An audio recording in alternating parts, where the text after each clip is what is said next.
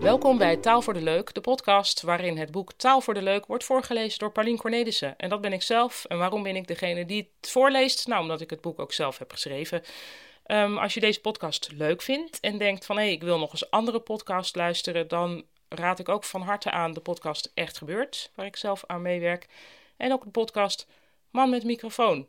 Werk ik een klein beetje aan mee, maar vooral ook belangrijk, ik praat nu in de microfoon van de man met de microfoon. Dikke tip.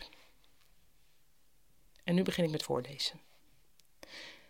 Denk ik. Iemand stuurde mij een foto van een beschrijving van een wijn in krullerig handschrift neergepend door de uitbater van een slijterij.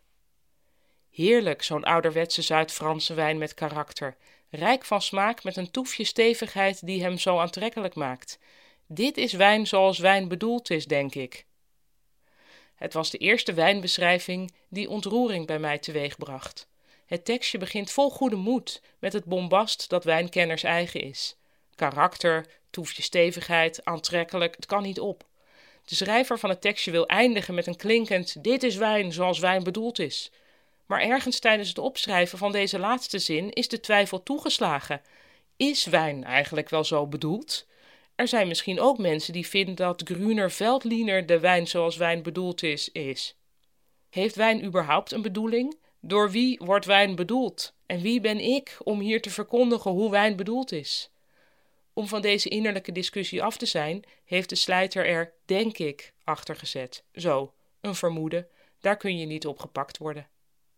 Het gekke is dat, denk ik, ongeveer het beste is wat je kunt zeggen. Het is eerlijk en het geeft aan dat je begrijpt dat je de wijsheid niet in pacht hebt.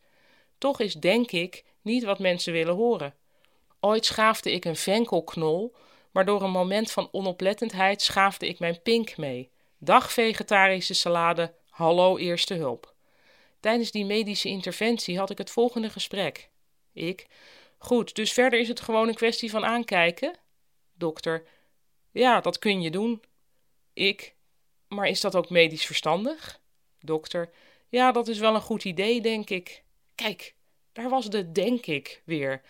Natuurlijk had de dokter gelijk. Hij wist ook niet 100% zeker of dat aankijken de juiste actie was.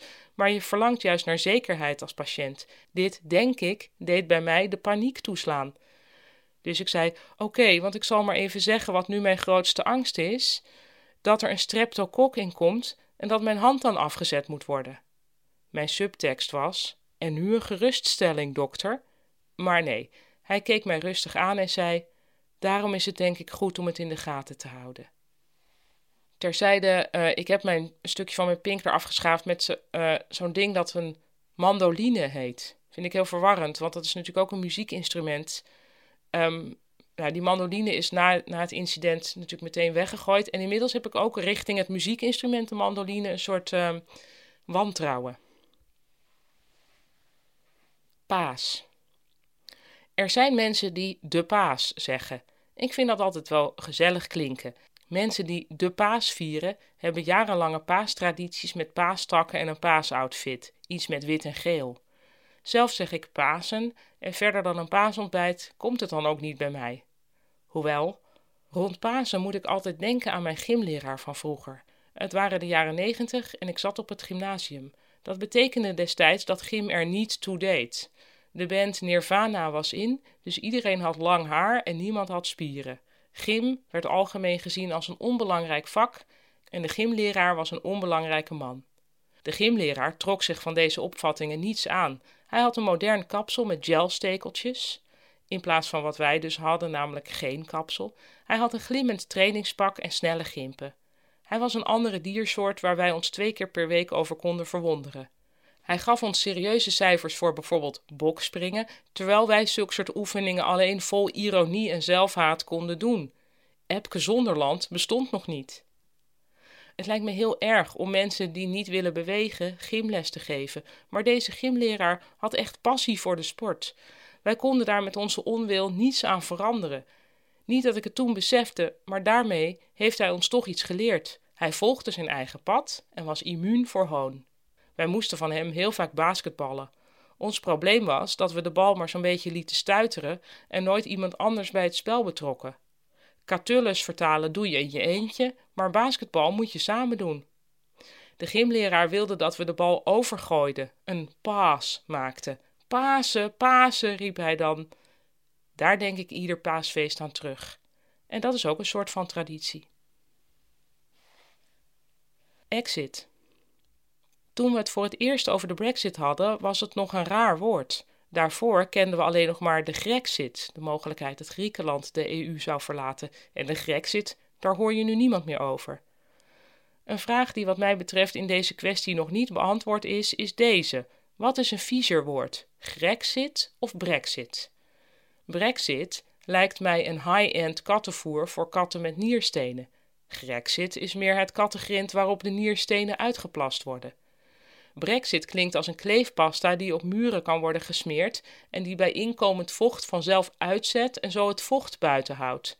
Stijgend grondwaterpeil? Just Brexit. Grexit daarentegen zijn korrels die in een kruipruimte worden gestrooid om onverklaarbare rioolgeuren op te nemen. Grexit BV zou ook heel goed het bedrijf kunnen zijn dat een paar jaar geleden op het bizarre idee kwam om stenen in kooien te stoppen en daar muurtjes van te maken. Terzijde, als een steen in een kooi zit, krijgt de steen ineens iets treurigs, alsof hij graag zou willen ontsnappen, terwijl een steen er normaal altijd wel tevreden uitziet. De gekooide stenen worden gebruikt om de terrassen van angstaanjagende horeca-etablissementen te voorzien van extra dreiging en tristesse. Brexit BV is een heel ander bedrijf dat doet aan zorgvuldig sloopwerk met behoud van authentieke details. En andere landen dan? Het ziet er nu niet naar uit, maar het kan natuurlijk dat Frankrijk op een gegeven moment ook niet meer mee wil doen. Dan krijgen we een Frexit. Rubberondergoed dat toch niet omhoog kruipt. Duitsland wordt een Dexit, een milieuvriendelijke uitvaartmaatschappij. Portugal een Pexit, een homeopathische zalf tegen hartritmestoornissen. Nederland wordt een Nexit, wat klinkt als een zoekmachine op internet die bij de presentatie al verouderd was. Computeren voor mensen van nu. Toen ik halverwege de jaren 90 aan mijn oma, geboren in 1907, uitlegde wat het internet was, probeerde ik dat te doen aan de hand van technologieën waarmee ze vertrouwd was. Een computer is een typemachine met een tv eraan. En die computer zit dan weer gekoppeld aan een telefoon, waardoor hij andere computers kan opbellen. Mijn oma was altijd bereid mee te gaan in moderniteit, maar ik zag aan haar gezicht dat ze dacht: dat kan wel zo zijn, maar waarom zouden computers elkaar willen opbellen? Ja, waarom? We lieten het onderwerp verder rusten. Wel nam ik me voor om mee te blijven gaan met mijn tijd.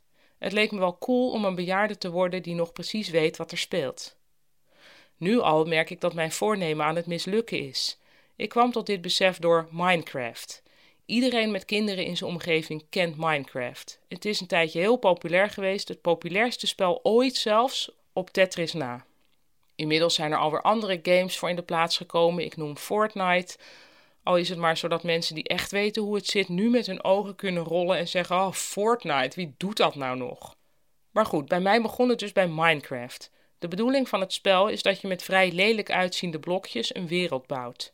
Voor die blokjes moet je zelf de grondstoffen verzamelen. En, oh ja, als het nacht wordt, komen er zombies die je dood moet maken, anders maken zij jou dood. Ik vond dat ik nou eens moest proberen te begrijpen wat het spel inhield en ook wat er leuk aan was. En nu weet ik het dus, ik heb het geprobeerd en ik begrijp het echt niet. Mijn Minecraft-leraar was een jongen van 12 die mij geamuseerd medelijdend vertelde hoe ik één blokje op een ander blokje kon zetten. Zelf was hij bezig met een spel binnen een spel binnen Minecraft en onderwijl was hij scheetgeluiden aan het uitwisselen met medespelers uit Hongarije. Na een uur heb ik het opgegeven. De tijd is voortgeschreden zonder mij. Het is nu wachten tot internetbankieren ook alleen maar via iets als Minecraft kan. Dat je naast een puber zit die het je zo makkelijk mogelijk probeert uit te leggen, die de stappen voor je op een papiertje schrijft. Ik moet denken aan die beelden van Wim Kok, die een muis als afstandsbediening probeerde te gebruiken. Dat lijkt nog maar zo kort geleden. De tijd gaat sneller dan de mens. View.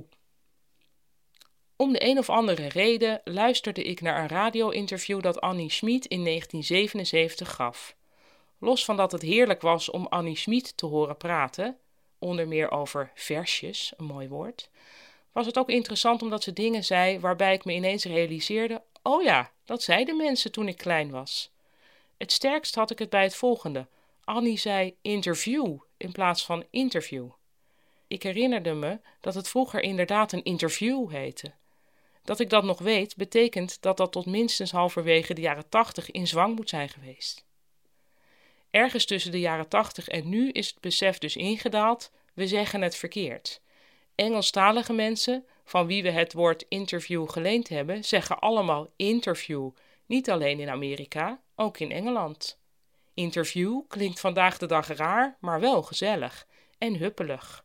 Het lijkt of er een opluchting aan het eind van het woord zit. Interview, dat hebben we weer gehad. We zeggen het nu correcter dan eerst. Hoewel, wie bepaalt er dat je leenwoorden tot op de klemtoon moet lenen? Mag je niet zelf je klemtoon bepalen? Hoe het ook zij, we hebben die klemtoon nu naar voren gehaald. Dat doen we de laatste tijd wel vaker. Vroeger zeiden we helemaal, nu steeds vaker helemaal. Biologisch hoor je ook vaak in plaats van biologisch. Speciaal, dat is vaak niet bedoeld als extra nadruk, maar als wat dan wel, geen idee. Misschien, misschien vinden we die klemtoon op de laatste lettergreep te huppelig, te veel als een versje. Jammer hoor. HBD. Ik zag ergens de afkorting HBD. Moest ik googelen. Het klonk een beetje als bedrijfshulpverlener of zoiets, maar het was Happy Birthday. Ik vraag me af hoe blij je precies moet zijn met een afkorting als felicitatie. Aan de andere kant is het ook weer beter dan niks, en dat is wat ik mensen meestal stuur.